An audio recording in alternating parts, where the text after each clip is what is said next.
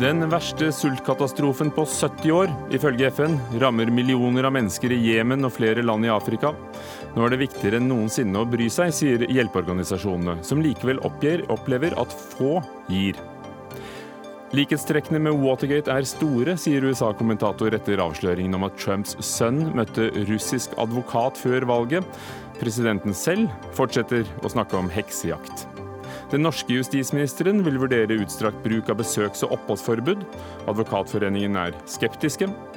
Og de hemmelige e-postene til fiskeriministeren og hans statssekretær viser hvordan mektige lobbyister snakker med politikere i det skjulte, ifølge Redaktørforeningen. De vil ha et lobbyregister. Det vil ikke Høyre.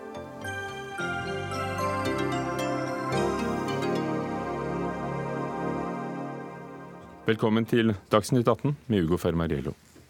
I Somalia, Sør-Sudan, Jemen og Nigeria trues 20 millioner mennesker av sult. FN har beskrevet situasjonen som den verste sultkatastrofen på 70 år, og ber innstendig om at giverne øker bidragene sine. Tørke og krig, dårlig styresett og manglende infrastruktur er noen av hovedforklaringene som gis. Kristine Presttun, vår Afrikakorrespondent i Nairobi. Vi ser eh, nå fire forskjellige sultkriser som utspiller seg samtidig. Hva er eh, fellesnevneren? Fellesnevneren er at denne krisen først og fremst er menneskeskapt. Det har vært eh, tørke i disse områdene lenge, avlingene har uteblitt. Men denne krisen kunne vært mye mindre hvis det ikke hadde vært for alle konfliktene. For krig, voldelige islamister, eh, vannstyre og mangel på politisk eh, styring. Og vi skal huske at Dette er mennesker som er eh, småbønder. De er vant til å dyrke maten sin selv. Nå har de blitt tvunget på flukt vekk fra jorda si, slik at istedenfor å produsere egen mat, ja, så blir de avhengig av å få mat. Får de ikke mat, så sulter de. Og i disse landene så er det millioner av flyktninger. Og for å ta noen flere tall. I Somalia står altså 20 000 barn under fem år i akutt fare for å sulte i hjel. I Sør-Sudan har en langvarig konflikt sendt fire millioner på flukt og bidratt nettopp til den akutte matmangelen. I sultrammede Jemen er over 200 000 mennesker smittet av kolera, og 450 000 barn lider av alvorlig underernæring i det nordøstlige Nigeria. I Etiopia er også situasjonen kritisk. Og Kristine Presthun, du, du, besøkte områder i Somalia tidligere i år der sulten uh, rammer. Du har vært nordøst i Nigeria, sør i Niger, der terrorgruppen Boko Haram skaper uro og dermed ødelegger matvareforsyningene. Hva har du sett på reisene dine? Da jeg kom flyvende inn til eh, over Puntland i Somalia, så var det som å fly over et månelandskap der selv kameler eh, har dødd av eh, tørst. Og det lå jo skjeletter, kamelskjeletter eh, spredd rundt omkring. Jeg har møtt mødre som har mistet eh, barna sine i sult, som ikke hadde råd til altså penger til å dra inn til byen, til det nærmeste sykehuset, med barna som de satt med i, i fanget. Barn som helt klart var underernærte. Jeg har vært på helsestasjon hvor de målte og veide barna, og der målebåndet på nesten alle barna gikk opp i rødt, opp til faresignalet. Og i Niger eh, der eh, møtte jeg flyktninger som hadde flyktet gang på gang fra Boko Haram. Jeg møtte kvinnen Hadisa, som hadde ligget våken hele natten pga. lyden av skuddsalver, og som sa 'Jeg har ikke flere steder å flykte til. Jeg vet ikke hvor jeg skal gjøre av meg'. I 2011 allerede døde 260 000 mennesker i Somalia, bare i Somalia altså, som følge av hungersnød. Hvorfor klarer ikke myndighetene å avverge den krisen eh, som skjer nå, når dette har skjedd før? Ja, den gangen så døde jo hele 260 000 mennesker av eh, hungersnød. Det som er med Somalia, er at det jo ikke har vært en ordentlig regjering. Ingen sentral eh, styring, i hvert fall, siden eh, 1991. Det har vært diverse overgangsregjeringer som bare har kontrollert eh, mindre deler eh, av landet. Det vil jo bety at det ikke har vært noen sentral stat her som kunne styre hjelpearbeidet.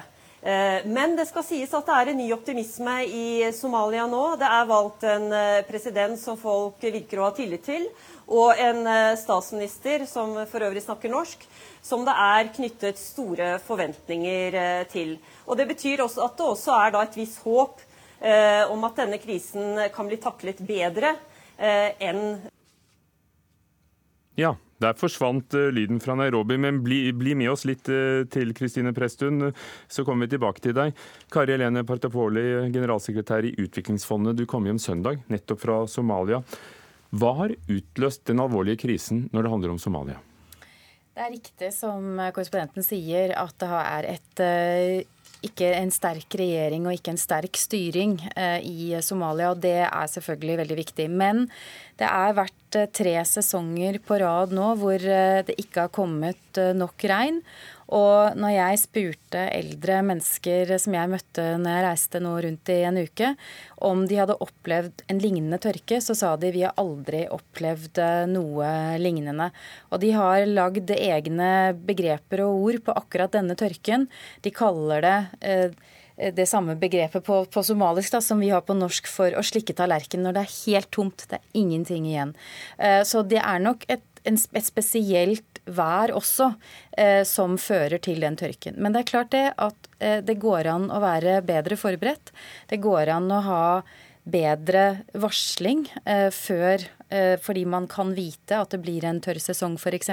Sånn at folk kan tilpasse seg. Man kan selge kameler, slakte kameler istedenfor at de dør, så man tjener penger på dem, istedenfor at det blir eh, bortkastet. Man kan også ha bedre vanningssystemer, bedre infrastruktur. Så det går an å være bedre forberedt, samtidig som akkurat i Somalia så har tørken eh, vært veldig ekstrem nå, og tre sesonger på rad. Så jeg vil si at det er ingen overraskelse, egentlig, at vi sitter i den kritiske situasjonen som vi gjør i nå, hvor faktisk to tredjedeler av befolkningen trenger hjelp for å overleve. Så det er Somalia. FN slo allerede i mars alarm om at den uh, humanitære katastrofen uh, som inntreffer uh, allerede fra januar, var den største FN hadde observert siden de ble opprettet i 1945. Vi snakker om Somalia, Sør-Sudan, Jemen og Nigeria, og også andre land i områdene rundt.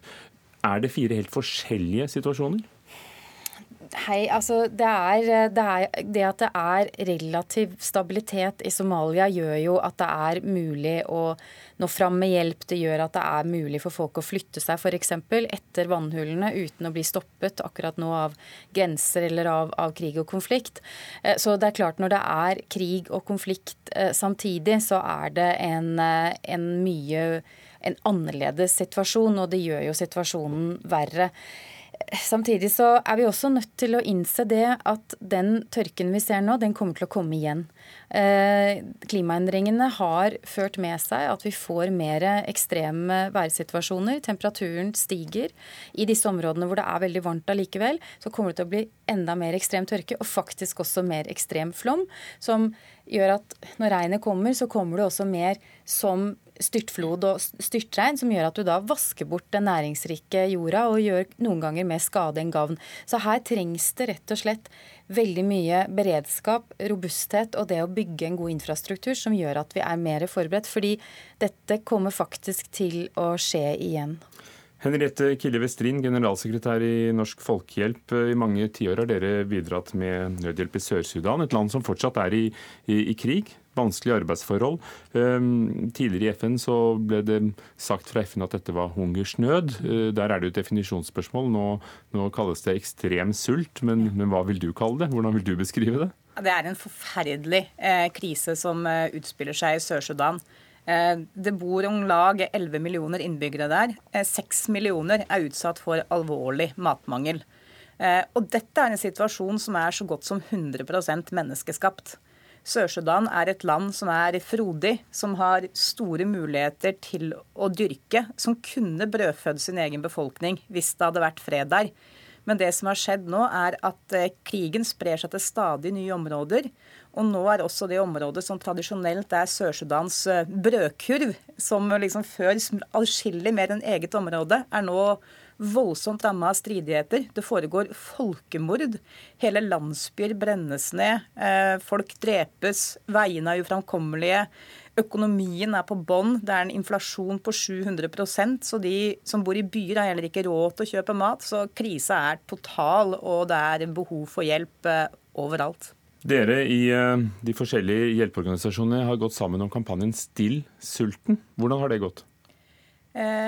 Eh, det, det, jeg tror det For det første så var noe av tanken med at vi gikk sammen om det, var at vi skulle klare å skape mer oppmerksomhet rundt den store krisa enn det vi klarer hver for oss. Eh, det syns jeg vi har klart. Vi har fått eh, mye oppmerksomhet rundt situasjonen. Vi får lov å komme hit. Og det har vært andre som også har sett det. Men Har det virkelig vært mye oppmerksomhet? Altså Det var mange skriverier i mars da FNs generalsekretær gikk ut. Dere har samlet inn 3 millioner kroner, som er lite hvis vi sammenligner med hva TV-aksjonene mm. uh, får til. Er det kanskje fordi det er mange forskjellige kriser som til sammen danner én? Ja, det kan hende. Uh, at det er et vanskelig budskap å få fram. Og så er er vi kanskje blitt litt uh, vant til at det er kriser. Det altså, folk uh, trekker litt på skuldrene. Dette er dessverre uh, ting som har pågått over flere år. Det er veldig vanskelig å skape oppmerksomhet rundt det. Det er vanskelig å få samla inn penger. 3,2 millioner hjelper selvfølgelig, men det er små penger i forhold til det enorme behovet som er. FN sier at det er behov for over 40 milliarder kroner. Tone Skogen, statssekretær i Utenriksdepartementet fra Høyre. I 2017 i år altså, så har Norge, staten Norge økt satsingen mot sult eh, med nær en milliard kroner. Og det meste av dette har gått til de fire landene. Hvordan gir dere pengene? Vi gir pengene både til organisasjoner som sitter her, til de som er på bakken, som har en mulighet til å nå frem til de som trenger det, eh, akutt hjelp så jobber vi mye gjennom de ulike organene i FN, og med eksempelvis også Røde Kors-systemet. Så vi jobber langs flere kanaler. For et land som Sør-Sudan, hvor vi hører om krigen som herjer da, altså brødkammeret i et land, mm. eh, hvordan hjelpe når det nettopp er en regjering som er preget eh, av korrupsjon og vanstyre, mer vanstyre enn styre? Altså Sør-Sudan er jo et utrolig trist tilfelle. Jeg vet ikke om det finnes en annen måte å beskrive det på. Og det er vel også eh, eksempler på hvor veldig dårlig det kan gå når du har politikere, sentrale politikere som ikke har som sin primære oppgave å ivareta innbyggernes beste. Det vi vet, det er at det er og har vært over lengre tid krevende å nå frem til de som trenger det i, eh, i Sør-Sudan. Men vi kan ikke gi opp. Dette er uskyldige mennesker som blir rammet på det aller mest grusomme. Så vi fortsetter å yte bistand. Vi har jo også skalert opp vår bistand ikke bare til Sør-Sudan, eller vår humanitære hjelp ikke bare til Sør-Sudan, men også til disse andre tre eh, krisene som vi, som vi, har vært eh, innom. Og vi eh, er jo da opptatt av at vi skal jobbe sammen med eh, organisasjoner som er på bakken, som har tilgang, og som har mulighet til å nå frem til disse menneskene. Kristine Presttun, du er med oss eh, igjen fra Nairobi. Vi har snakket om uh, krigen som herjer i Sør-Sudan, og hvordan uh, det gjør det vanskelig å nå frem med hjelp der. Hvordan sikre at når FN og andre organisasjoner klarer å komme med hjelp, at de faktisk kommer frem til folk?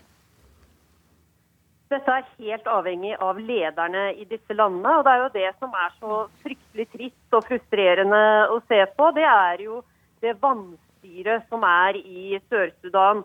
Der, eh, det er jo bare et par uker siden at det var vel åtte hjelpearbeidere som ble eh, bortført i Sør-Sudan. De kom heldigvis til rette igjen. Men når hjelpeorganisasjonene da sier at vår sikkerhet må bli bedre i disse områdene, ja, da er svaret fra myndighetene at dere får heller la være å dra dit.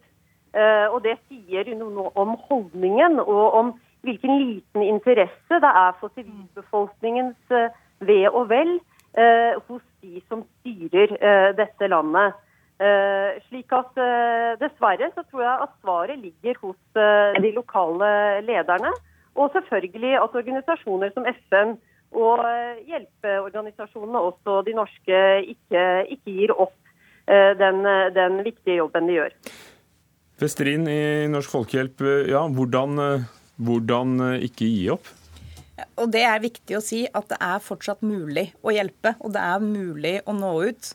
Eh, vi har hjelpeutsendinger med fly, med flydropp, eh, jevnlig. Vi har som mål å nå omkring over 400 000 mennesker eh, og sikre de mat og vann og det grunnleggende for å overleve gjennom dette året. Så det er altså sånn at det, det er krevende. Men på sikt er jo ikke det en løsning? Det er ikke en løsning men på sikt, men det er faktisk sånn at det er det som trengs i det øyeblikket folk holder på å sulte og tørste i hjel. Så vi jobber også med langsiktig utviklingsarbeid, og vi ønsker å fortsette med det. Alt fra vaksinere kyr, opplæring i jordbruk drive på den måten òg, men nå er det nødhjelp. Og selv om det er krevende, det er farlig, det er, så klarer vi altså også å nå ut med hjelp, og det er det viktig å si. Vi hørte om norske myndigheters bidrag.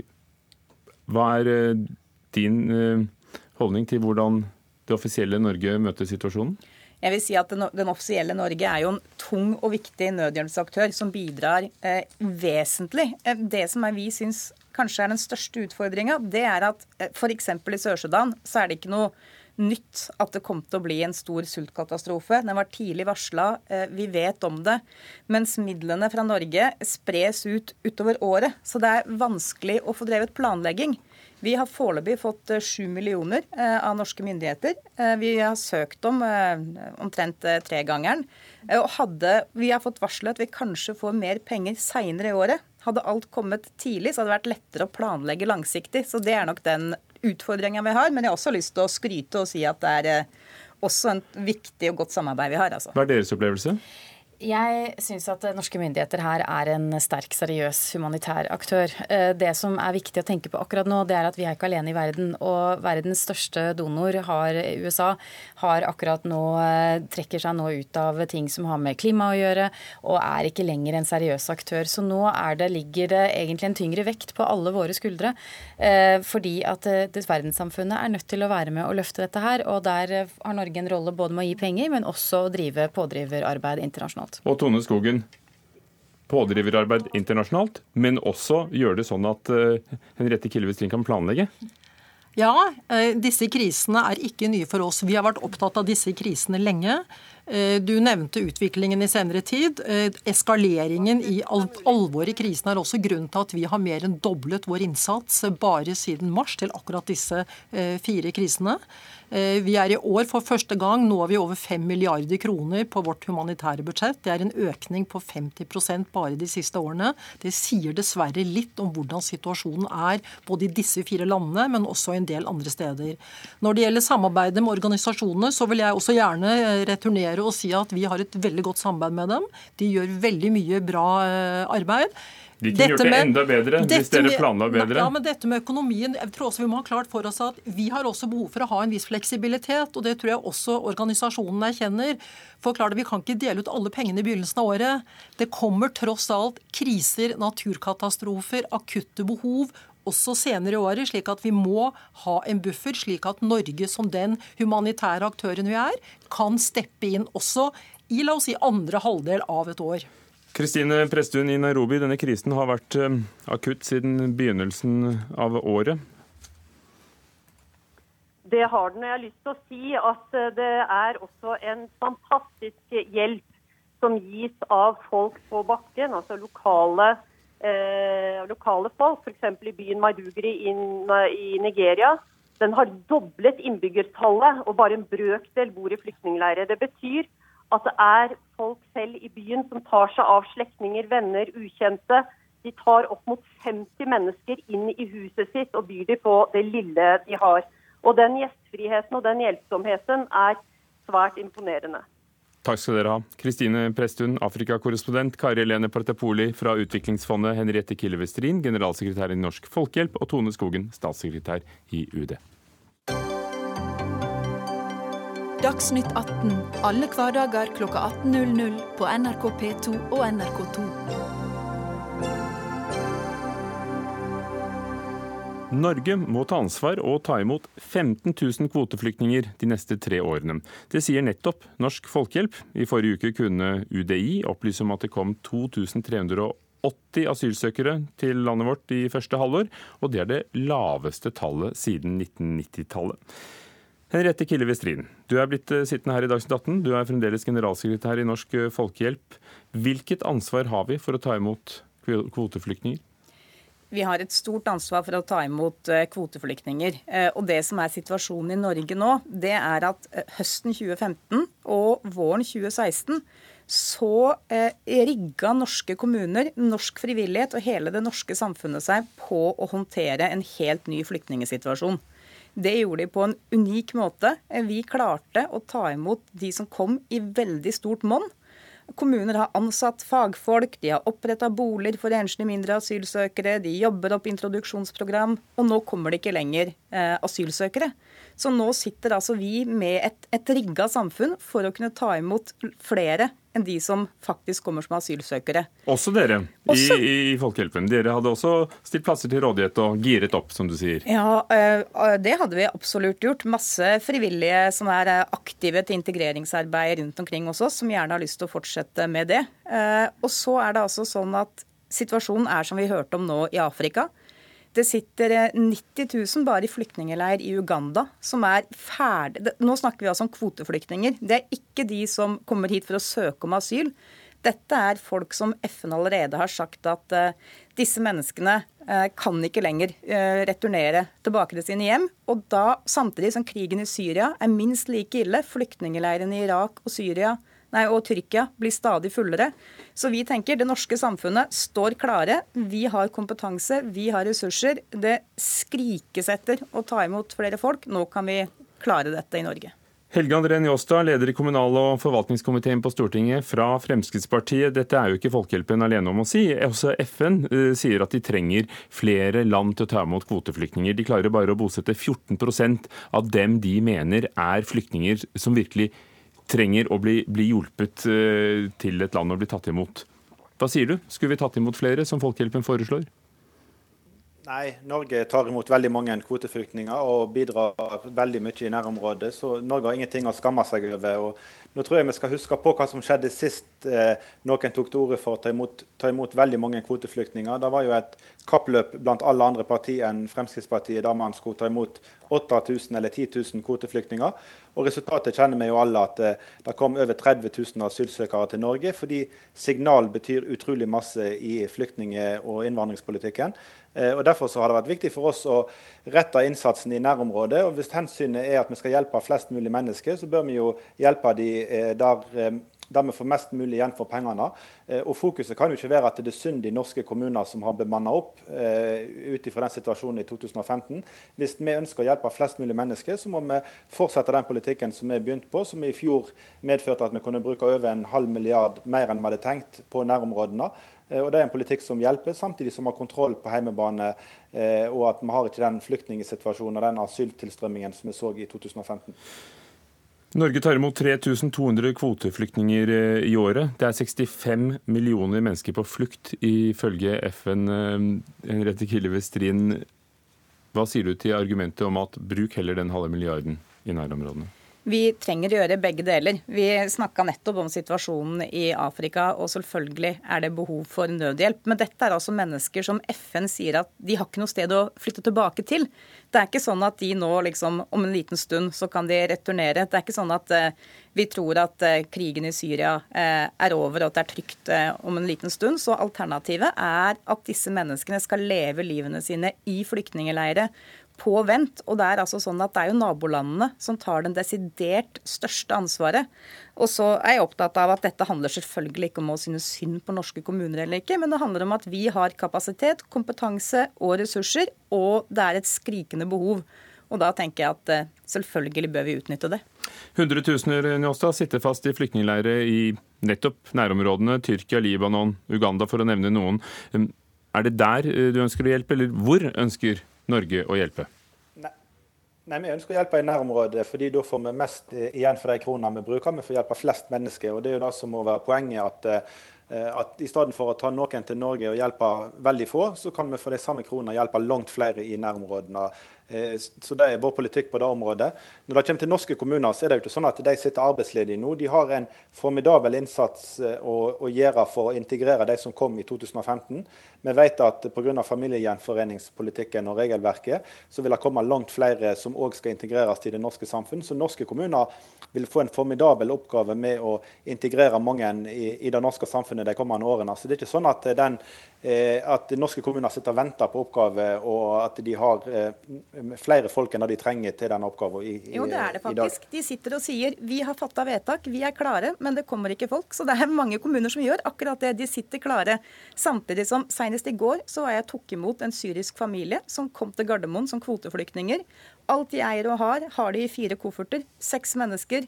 Det er klart, de, de, har ingen annen mulighet enn å reise bort for å gjenstarte livet sitt. De som er kvoteflyktninger, det kan være seksuelle minoriteter, folk som er undertrykt på helt unike måter. Dette er liksom, De har et beskyttelsesbehov. Har, vi har ingen annen mulighet enn å ta de ut og hjelpe de. Og siden Josta, vi tar imot altså 3200 kvoteflyktninger i året som det er nå. Eh, hvordan er dere kommet frem til det tallet? Burde vi tatt færre, ifølge deg? Nei, eh, tallet er jo kommet fram til gjennom forhandlinger mellom oss og KrF og Venstre. Så har vi økt antall kvoteflyktninger vi tar imot i denne perioden. Eh, det er personer som vi tar i tillegg til asylsøkertallene som varierer fra år til år. Eh, men vi ser at det er en sterk kobling mellom signalene vi sender ut på kvoteflyktningpolitikken og asyltilstrømmingen til landet. Derfor vil vi være veldig varsomme med å sende ut sånne signaler som Norsk Folkehjelp nå gjør, og som Arbeiderpartiet gjorde i 2015 på, før landsmøtet sitt. Fordi at det da kan sette det norske systemet over styr og kan få en ukontrollert tilstrømming som vi ikke ønsker. Det, det, var da, da, Støre tok til orde for 10 000 eh, flere, men, men, det er da siden strøk fra Arbeiderpartiets program. Um, Njåstad, FN-sporet er jo en uh, kjent retningslinje for norsk utenrikspolitikk. og Siden dette er FNs kvoteflyktninger og FN oppfordrer til å ta flere, kommer vi på kant med, med FN? Nei, vi kommer ikke på kant med FN, FN som er en av de absolutt flinkeste landene både mot kvoteflyktninger og hjelpe i nærområdet. Så har Norge ingenting å skamme seg over i, i forhold til denne politikken her.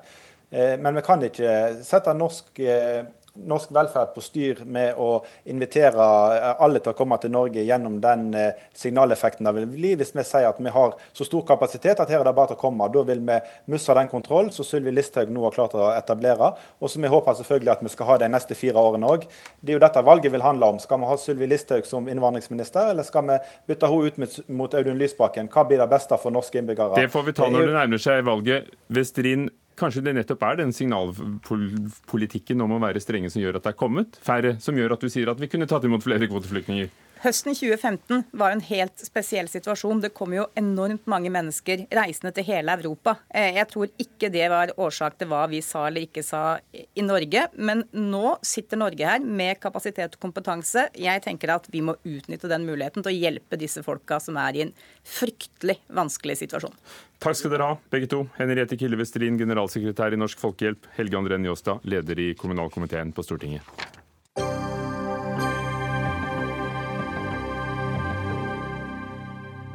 Det skal handle om Donald Trump, USAs president. Presidentens eldste sønn, Donald Trump jr., bekreftet på TV-kanalen Fox News i går kveld at han møtte en russisk advokat under valgkampen. Trump jr. avtalte og gikk til møte for å finne ut om russiske myndigheter satt på informasjon som kunne bekrefte historier om Hillary Clinton som hadde versert i årevis. Og med ham på møtet i Trump Tower i New York var farens daværende valgkampsjef Paul Manafort og svigersønnen Jared Kushner. Gro Holm, vår korrespondent i Washington DC. Hva er eh, siste nytt og reaksjoner på møtet Donald Trump jr. hadde med den russiske advokaten Natalia Veselnitskaja, nå som eh, USA har våknet? Ja, Det siste er at spikeren i uh, Kongressen i Representantenes hus ble spurt om sitt syn på saken, og han uh, unnlot uh, å svare og sa, sa, bare at dette er ting som, som nå blir gransket av flere, flere, kongresskomiteer og FBI. Det er omtrent det samme som hans kollega i Senatet sa i går, Mitch McConnell, den republikanske lederen der. Han ville heller ikke svare og viste bare til granskingene som nå pågår. Det er svært få republikanske politikere som vil eller tør å uttale seg kritisk i denne saken. En av dem som gjør det, er eh, senator Lindsey Graham, eh, som har sagt at det, det riktige i en slik situasjon, når man får en henvendelse fra en utenlandsk makt eh, i forbindelse med en valgkamp, det er å bare takke nei til alle tilbud. På demokratisk side så varierer reaksjonene fra en, en, en demokrat som kalte det eller antydet at det kunne dreie seg om forræderi, eh, til andre som selvfølgelig er veldig kritiske, men som nøler med å si eh, sikkert at dette er lovbrudd. Eh, men, men, det er ganske stor enighet om, og der har, har demokratene med seg også mange republikanere, om at Donald Trump jr. må møte i kongresshøring, altså vitne i høringer. Hva sier Trump selv? Senior, altså? Ja, Trump selv han har sagt at dette er den verste politiske hek heksejakten i historien. Han eh, omtalte, eller sa i, en Twitter eh, tidligere i, i, dag, i morges, eh, han kalte ham for uskyldig og transparent. Og, og, i det hele tatt omtalte han i rosende ordlag. Eh, han er ikke i tvil om at sønnen er uskyldig, og han sa også at han syns han gjorde en veldig god jobb da han ble intervjuet på Fox News av en meget, meget Trump-vennlig programleder, det skal sies, eh, i går kveld. Trump jr. hadde jo da skrevet i forkant av møtet at hvis dette er sant, så, så, elsker jeg det. Men eh, mange har kanskje fått det med seg. Men hva er forklaringen hans på, på hvorfor han ikke sa fra om dette møtet? Ja, forklaringen han ga i det intervjuet på Fox News i går kveld, det er at det kom ingenting ut av det. Uh, Natalia Visjoniska hadde ikke uh, interessant informasjon om Hillary Clinton. Så han sa at det var 20 bortkastede minutter, og det var ingenting å fortelle faren om. Det er hans forklaring. Vårin Alme, kommentator på nettstedet amerikanskpolitikk.no. Det, det er jo kommet lekkasje på lekkasje i denne saken. Uh, skiller dette seg fra tidligere avsløringer? Ja, altså Nå har man hatt månedvis med indikasjoner på da mulige forbindelser og mulig samrøre osv., men, men mye røyk og ingen ild. Uh, dette her er jo da tydelige bevis uh, som, som, Trump ikke lenger bare kan avfeie. Um, dette er ikke bare bevis på forbindelser mellom Trump-kampanjen og Kreml, som Det hvite hus gjentatte ganger da har benektet. Det er også bevis på uh, mulig koordinering, mulig samrøre, ved at personer i Trumps innerste sirkel visste om uh, Russlands uh, påvirkning inn i det amerikanske valget, en russisk støtte til Trump, og også var villig da, til å dra nytte av dette her uten å tenke på å eventuelt varsle uh, amerikanske myndigheter. Og Det som er interessant nå i håndteringen av denne saken, er jo dette fokuset på sønnen til Trump. Til og med vi sitter og snakker om, om ham ikke sant? istedenfor å snakke om Eh, disse menneskene som faktisk jobber for Trump, som er offisielt tilknyttet kampanjen. Jared Kushner, som fortsatt jobber for, eh, for, Trump, og Paul Manafort, som da var valgkampsjefen. Og det er jo de som virkelig impliserer Trump. Og så er det selvfølgelig da vanskelig å se fra at Trump, som var i, i etasjen over dette møtet, og, og, som to dager før møtet skjedde, gikk ut og, og varslet om forestående skadelig informasjon om Clinton, ikke visste om dette her. Og Trumps junior styrer da forretningsimperiet for tiden så er det jo mange da, som nevner Watergate-skandalen som førte til at Nixon måtte gå. Er du en av dem? Jeg tenker at dette er en slags helt ny situasjon. Det som, som, er likheten nå, er jo at man må spørre seg det samme spørsmålet man stilte seg da. Nemlig altså, hva visste presidenten og når? Uh, og som sagt så er det da lite sannsynlig at Trump, uh, som, om, altså, som, sannsynligvis visste om dette møtet med, med, tre av de innerste, altså personene innerst i sirkelen sin, uh, ikke visste om dette møtet her. og at han vil bli implisert til slutt. Og dette er jo altså, lekkasje på lekkasje de siste månedene, og sannsynligvis så vil det jo komme mer. Kanskje det kommer lydopptak. altså alt kan skje. Overlevert i en uh, underjordisk garasje, kanskje. Uh, dette er jo lekkasjer, da. Nå var det New York Times som, som hadde noe uh, igjen. Hvem kan ha lekket? Nei, altså Nå spekuleres det jo i er dette, kommer det fra russisk hold, uh, kommer det fra etterretningssamfunnet. Trump har jo gang på gang kritisert uh, etterretningstjenestemenn og, og, dermed skapt mye, mye, misnøye der. Det kan også være personer tilknyttet de andre etterforskningene som nå foregår uh, rundt da mulig samrøre mellom Trump og Kreml. Det foregår jo etterretningsprosesser både i, senat, altså i Senatet og i Representantenes hus. Det foregår en spesialetterforskning. Så det er mange som kan stå bak dette her. Noen kan være motivert av kun å få frem sannheten. Andre kan være interessert i å svekke Trump. Og en tredjepart kan da være interessert i å svekke hele det demokratiske systemet i USA. Har det svekket Trump så langt? Absolutt. Altså, dette her er noe han stadig har gått ut og gjentatt eh, benektet. Eh, og ikke bare det, også Mike Pence har benektet det. Hans egne pressetalsmenn har benektet det. Eh, så det, dette her er bevis på at de har løyet, eh, rett og slett. For de har benektet enhver kontakt. Gro Holm, eh, er det, er det, noen i dag som har spekulert mer på hvor dette kan komme fra? For det er jo, det er jo underholdende, om ikke det er alltid sannferdige påstander som kommer. Nei, jeg tror egentlig var inn, eh, var inne på det, det viktigste teoriene her. Eh, det er eh, New York Times har jo en egen artikkel i dag som sier litt om hvordan de jobbet med saken. Det er klart at, sånn, at Pressemessig så er, dette en, så er dette litt av et skup. Eh, og vi ser jo her at media har på en måte våknet av en slags dvale eh, etter at Trump ble president. Eh, vi har fått gravejournalister, vi har fått faktasjekkere som en veldig populær sjanger. Det er et helt annet medieklima og et helt annet drive her nå enn det har vært i noe, noe tidligere i løpet av de fire årene jeg har vært her. Kjedelig blir det i hvert fall ikke, men noen snakker altså om mulig lovbrudd. Er det, er det et ulovlig møte som har funnet sted eventuelt? Eh, det, det, eneste jeg har lest som kan være litt eh, som mulig kan gi grunnlag for å kalle det et lovbrudd, det er knyttet til finansiering av valgkamper. Altså Det finnes lover om hvordan, hva som er lov når det gjelder finansiering. Og eh, det å motta bidrag, økonomiske bidrag eller ting av verdi fra utlandet til en valgkamp, det er forbudt. Så er det da spørsmål kan man verdifastsette opplysninger om motkandidaten. Ja, mener en del. Det kan man. Og selv om det er vanskelig å finne riktig pris, så eh, hvis det virkelig hadde vært snakk om eh, alvorlig kompromat eller negative opplysninger om Clinton, så kunne det vært veldig verdifullt for Trump-kampanjen. Eh, noe som de ellers selv kanskje måtte ha brukt masse penger på å finne fram.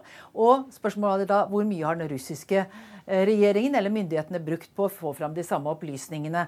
Så eh, hvis man skal prosedere på lovbrudd, så er det i den retningen det går. Men eh, selv eh, Chuck Schumer, eh, demokratenes leder i Senatet, han ville ikke gå så langt som til å snakke om lovbrudd. Han sa at dette er brudd på helt sentrale normer. Det var så langt han ville gå. Vi følger med i neste episode. Takk skal dere ha, Gro Holm i Washington DC, Vårin Alme, kommentator på amerikansk politikk.no. Det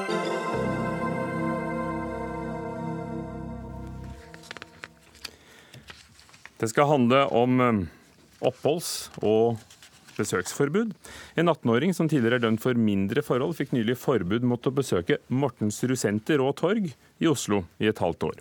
Begrunnelsen for besøksforbudet, som er anket, er at politiet har grunn til å tro at mannen vil begå en straffbar handling, ettersom han tilhører et narkotikanettverk som har rekruttert nettopp unge på det samme stedet, Mortensrud. Per-Willy Amundsen, justisminister. Regjeringen vil vurdere om straffeprosessloven kan endres, mm. slik at besøks- og oppholdsforbud kan brukes oftere mm. og videre. Altså mm. hyppigere og i større geografiske områder. Hva pønsker du på? Vi skal aldri få svenske tilstander i Norge. Og Da handler det om at vi på et tidlig tidspunkt, når vi ser bekymringsfull utvikling, Eh, for det første setter politiet i stand til å håndtere eh, lov og orden på en god måte. Sørge for at vi ikke får utglidning. Eh, og Da handler det om å styrke politiet. Det gjør denne regjeringa. Vi har en historisk oppbygging av mannskaper. Vi har en historisk oppbygging av politikraft i Norge. I Oslo alene kommer det til å være 100 nye polititjenestemenn og -kvinner ansatt bare i løpet av dette året. Men politiet må også ha gode verktøy i sitt viktige arbeid. Og Hvilket verktøy vil du gi dem? For de har selv sagt i en artikkel i NRK mm.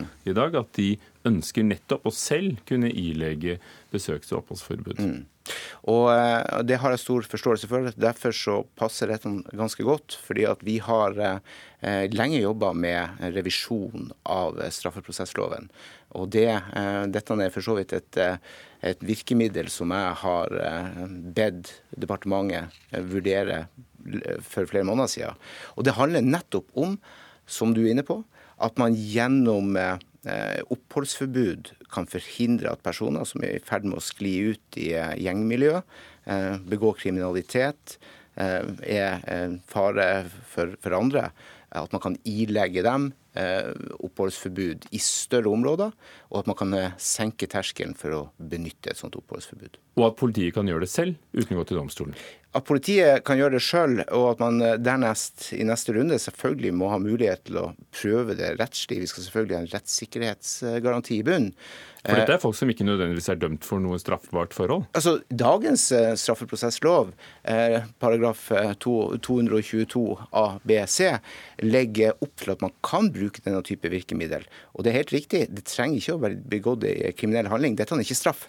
Dette er et virkemiddel for å forhindre at kriminalitet blir begått. Det er altså forebyggende. Nå har vi ingen svensker her for å diskutere hvordan tilstanden er i Sverige, som du var inne på, men vi har advokat og leder for forsvarergruppen i Advokatforeningen, Marius Didriksson. Du er skeptisk til eh, oppholdsforbud som det er, og i hvert fall til utstrakt eh, oppholdsforbud. Hvorfor?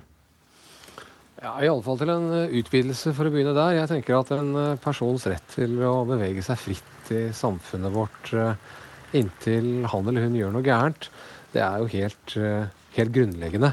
Eh, det skal gode og sterke grunner til for å forandre på det. Det tror jeg vi alle er eh, enig i.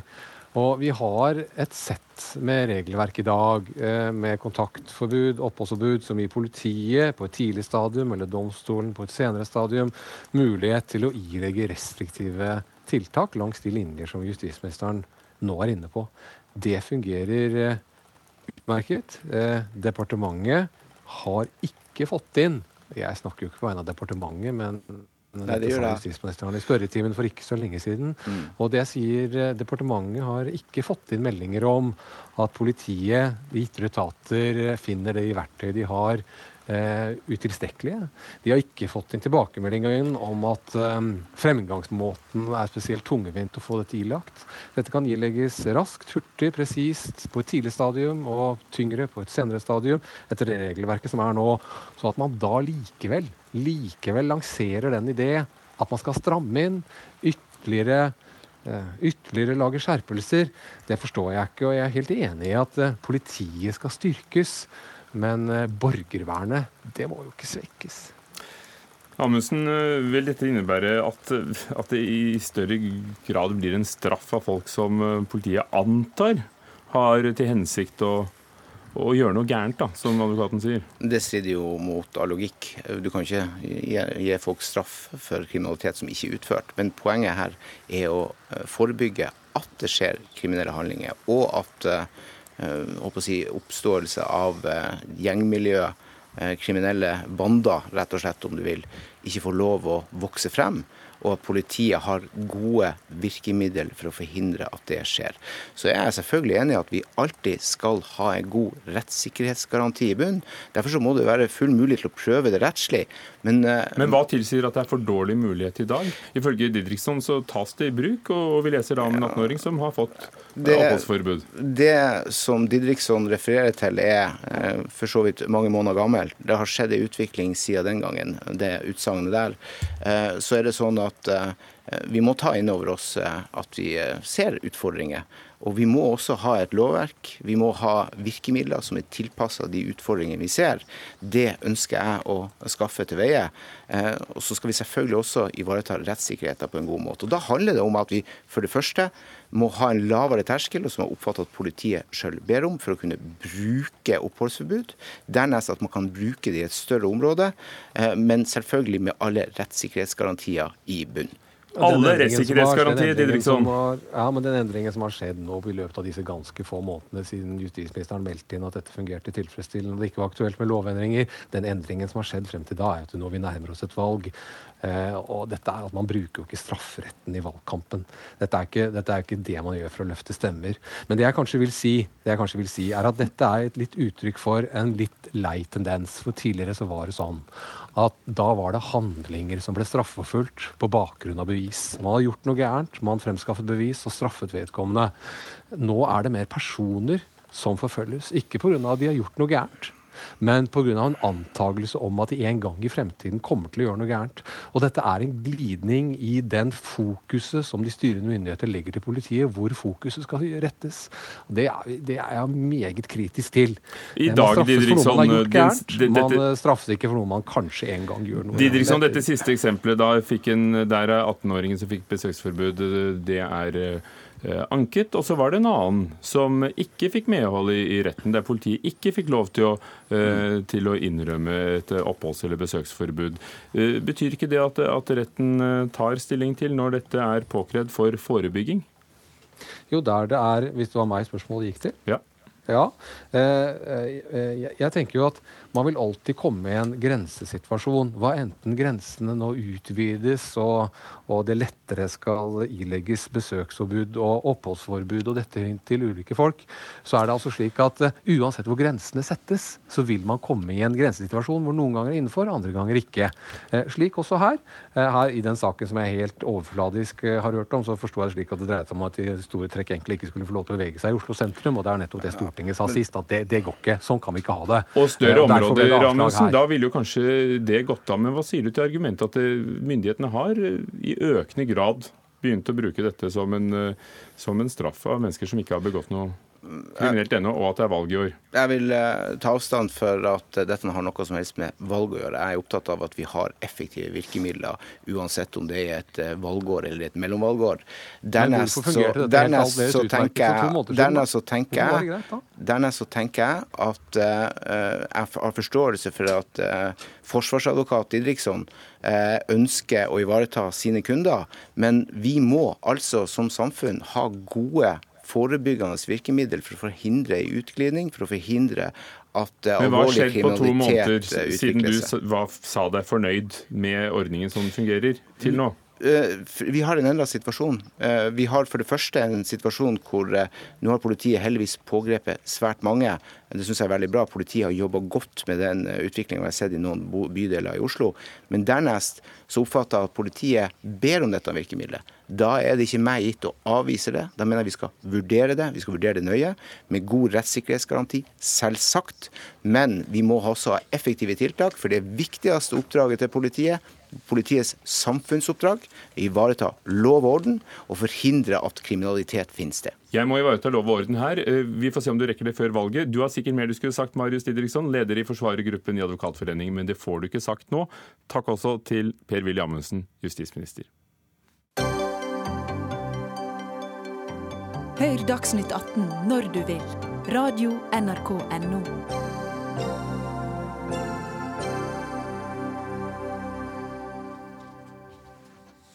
Vi skal eh, fortsatt høre om hva som skjer i regjeringens indre gemakker. I dag avslørte Dagbladet at statssekretær Roy Angelvik fra Fremskrittspartiet for fiskeriminister Per Sandberg har mottatt e-poster til sin private adresse fra lobbyorganisasjonen Norske sjømatbedrifters landsforening. E-postene, som var sendt til begge, men den til fiskeriministeren Per Sandberg, kom ikke frem. Den havnet i en helt annen manns eh, postkasse, for han hadde ikke den adressen.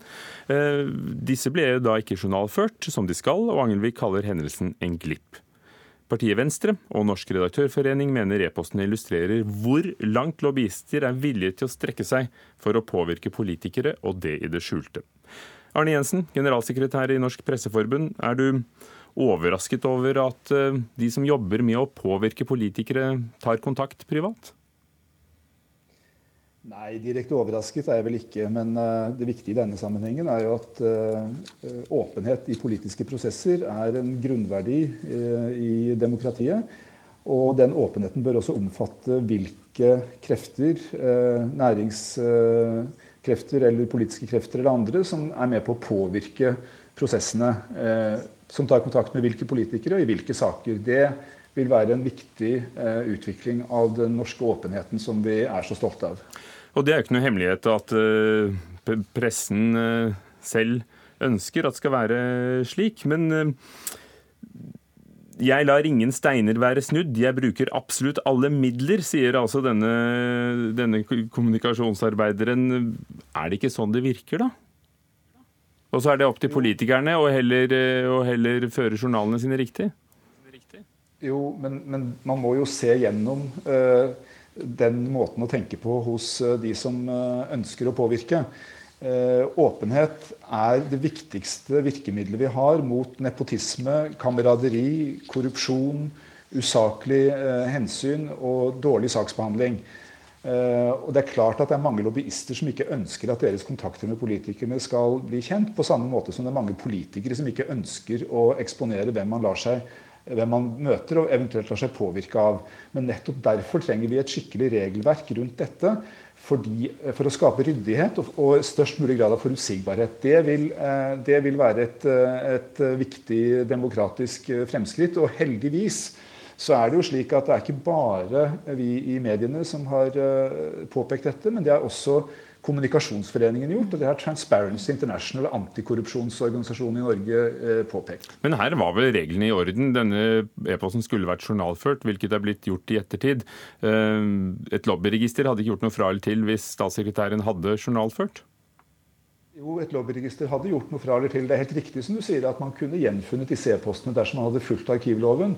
Men et lobbyregister ville ført til en helt, et helt annen systematisering av lobbyvirksomheten eh, inn mot norske politikere. Og det ville, tror jeg, ført til en helt annen bevissthet hos politikerne også og kanskje også hos lobbyistene, om viktigheten av å sørge for at dette lobbyregisteret er, er i orden. Så, så, jeg tror ikke man skal si at dette ville vært løst bare man hadde fulgt arkivloven. Jeg tror vi trenger en egen ordning for lobbyister og, og lobbying. Og Vi forsøkte å få med kommunikasjonssjefen i Sjømatbedriftenes Landsforening. Han, han ønsket ikke å, å, være med i Dagsnytt 18, og fiskeriminister Per Sandberg eh, var i et område uten eh, tilstrekkelig dekning. Men Therese Manus, daglig leder i Kommunikasjonsforeningen, er det vanlig praksis for eh, lobbyvirksomheter å ikke la en stein være snudd, og forsøke å holde ting unna det offisielle, som det ble sagt i artikkelen? Ikke så vidt uh, meg bekjent. Og jeg mener at dette her er uh, svært umeldt. Uh, Oi, her er dere flere i områder uten tilstrekkelig dekning, hører jeg. Men, men begynn på nytt. Er det vanlig? ja. nei, jeg mener dette er ikke, så vidt meg bekjent, vanlig. og jeg mener det er både uprofesjonelt og sterkt kritikkverdig. og i våre etiske prinsipper står det også at man skal utføre jobben med integritet og til offentlighetens beste, og det kan ikke jeg se jeg har gjort i denne sammenhengen. Så, um, Men er du trygg på at du har alle medlemmene i Kommunikasjonsforeningen med deg? Altså, Vi har jo på vårt landsmøte nå ved to anledninger for, fått vedtatt, altså dvs. Si de, i de siste fire årene, jobb, hatt vedtatt i vår strategi at vi skal jobbe for å få innført et lobbyregister i uh, Norge. Eh, så ja, flertallet av våre medlemmer er definitivt eh, med oss på dette. Rebekka Bosch, eh, stortingskandidat for Buskerud Venstre. Dere i Venstre har i årevis etterlyst et lobbyregister som skal gjelde stortingspolitikere, først og fremst. Departementets politiske ledelse er allerede underlagt av denne arkivloven, så de skal jo journalføre henvendelsene. Men hva, hva ville vi vunnet på å ha et lobbyregister? Mm. Altså, Venstre har foreslått dette fem ganger allerede, og fem ganger har vi blitt nedstemt av de samme partiene. Eh, vi har fått støtte fra SV og De Grønne for det siste forslaget som vi fremmet i 2013-2014. Og der var det på grunnlag av eh, Eller eh, det var en hendelse hvor Sylvi Listhaug hoppet mellom å være kommunikasjonsrådgiver med noen hemmelige kunder og sitte på Stortinget. Og det var også et eksempel på hvordan mer åpenhet egentlig gir trygghet rundt at ikke noen påvirker i det skjulte. Og da ble vi nedstemt igjen av både Høyre, Arbeiderpartiet, Frp og Senterpartiet. Vi mener at et lobbyregister er verdifullt fordi, eh, som det allerede har blitt sagt, det gir en helt annen systematikk og en annen åpenhet rundt hvem som er i kontakt med hvem, og på hvilken sak. Og Det gjør jo egentlig at alle kan følge med på hvem som påvirker viktige politiske beslutninger. Pluss at det lukker det denne gråsonen som vi nå igjen opplever hvor noen mener at bare de sender til en privat e-post, så er de eh, unntatt fra eh, arkivloven og eh, eh, journalføring. Hvis Stortinget vedtar sånn, et sånt register, så kommer man med et tydelig signal på at man ikke ønsker skjult påvirkning, og at prosesser i Norge skal være åpne. og um, på en måte sånn at alle, også ikke minst pressen, kan følge med på hvem som har påvirket hvem. Svein Flåtten, næringspolitisk talsmann i Høyre. Er du imot åpenhet i forvaltningen? Jeg er i hvert fall eh, finanspolitisk eh, talsmann. Unnskyld, finanspolitisk talsmann, det burde jeg jo eh, vite. Det spiller ingen rolle. Jeg er ikke imot åpenhet i det hele tatt. Og når det gjelder Stortinget, så jeg har bare sittet der i fire perioder og jeg må si jeg har aldri opplevd noen som ønsker å hemmeligholde sin kontakt med Stortinget. Og det vi opplever når folk kommer med informasjon som vi enten de ber om å få komme med, eller som vi ber om, så er det veldig langt fra dette med korrupsjon og kameraderi. Det er rett og slett for å gi politikerne på Stortinget mer informasjon. Og jeg oppfatter jo også pressen dit hen at de eh, ofte synes at vi kan være relativt eh, uinformert, sånn at det må være bra at vi kan få mer informasjon. Men kan, kan, Flåtten, kan Redaktørforeningen, Kommunikasjonsforeningen og Venstre alle ta feil? Jeg tror at ikke de har sett på hva som kan bli resultatet av dette i Stortinget. Nemlig at vi, eh, vi, skal ha en veldig lav terskel for at folk skal kunne komme til oss. Og avgrensningen mellom hva som er eh, lobbyisme, eh, jeg vet ikke helt hva det er engang, og hva som er helt andre saker, hva som er enkeltsaker, folk som ønsker hjelp til å komme videre i forvaltningen, folk som ønsker å gi tilleggsopplysninger i forbindelse med budsjetter osv. Eh, vi ville få veldig mye jobb. Det ville bli et stort byråkrati. Jeg er sikker på jeg har hatt eh, tusener på tusener av henvendelser gjennom mine år i Stortinget.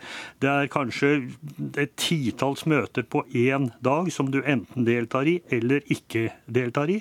Det må være viktigere å bruke tiden sin på politikk og på å treffe folk, fremfor å føre et rigid register for at man skal vite hvem man har snakket med, uten egentlig å vite hva man har snakket om. Og så er det en stor forskjell på oss, eh, som er en lovgivende og bevilgende myndighet, og det som er den utøvende myndighet, selvfølgelig. Skulle dette, Rebekka Bosch, ifølge deres visjoner eh, gjort, vært gjeldende både for stortingspolitikere og regjeringen? Ja, altså Det må man jo da konkret finne ut av. Jeg mener personlig at eh, man burde kunne hatt det for regjeringen. Man har for så vidt det gjennom departementene i dag, men at man får ett og samme register for både regjering, storting og departementene. Og dette er jo ikke noe Altså Det blir jo ikke et stort byråkrati ut av det. Vi har full elektronisk uh, registrering. Uh, det, det, det Flåtten her sier, føler ikke jeg i det hele tatt. Både USA og Europaparlamentet har innført et sånt lobbyregister. Men tror du ikke Rebecca Bosch, at, at, i Norge så har vi mer tillit til dere, politikere, og at vi har tillit til at dere møter folk for å få inspirasjon og få opplysninger, og, og, og så representerer meg mm. på beste måte? Men denne tilliten må vi jo ta vare på. Og det som kom fram i dag, og vi har hatt flere sånne eksempler, det er etter min mening med på å kunne undergrave tilliten som vi har i Norge, som vi faktisk kan være veldig stolte over at den er så høy. Men hvis folk flest sitter igjen med et inntrykk av at det foregår veldig mye i det skjulte, og at noen få aktører kanskje har uforholdsmessig stor påvirkning, så kan det være med på å undergrave uh, hele tilliten. Og bare én ting. Jeg har blitt ringt opp av tidligere lobbyist i dag som sa at du aner ikke hvor mye private kontakter faktisk betyr for hvem som slipper til når det gjelder statsråd og andre med mye makt. Og Dette er noe vi må påvirke aktivt, og jeg mener at Stortinget har et ansvar med å forvalte den høye tilliten i Norge på en bedre måte enn det de gjør i dag når det gjelder denne saken her. Svein Flåtten, i denne saken Dagbladet skrev, så, så ønsket jo opprinnelig eh, denne organisasjonen eh, en henvendelse som, som, skulle gå videre i statsapparatet uten, å, uten, at det skulle komme fra dem. Har du opplevd at, at folk har ønsket å få privat kontakt for at det ikke skulle være så opplagt eh, hvem de hadde snakket med? Nei. Det har jeg faktisk aldri eh, opplevd. Folk har vært helt åpne med det de kommer med. Og så skal man være klar over at det er sikkert ikke vanskelig å lage et register over hvem som melder seg i resepsjonen på Stortinget, men, eh, og det vil Bosch også etter hvert erfare, at vi treffer mennesker på veldig mange måter. Møter utenfor eh, huset, møter i organisasjoner. Man møter folk holdt jeg på å si, på gaten og på butikken. I dag traff jeg en to-tre stykker i mitt butikkbesøk som ville snakke om enkeltsaker i politikk. Skal jeg ha det inn i registeret? Skal det være elektronisk loggføring av dette? Jeg tror man må tenke litt over hva som er den egentlige situasjonen på Stortinget. Vi er valgt av folk. Vi skal ha en lav terskel for at de skal kunne komme med sine saker, slik at vi kan bli informert.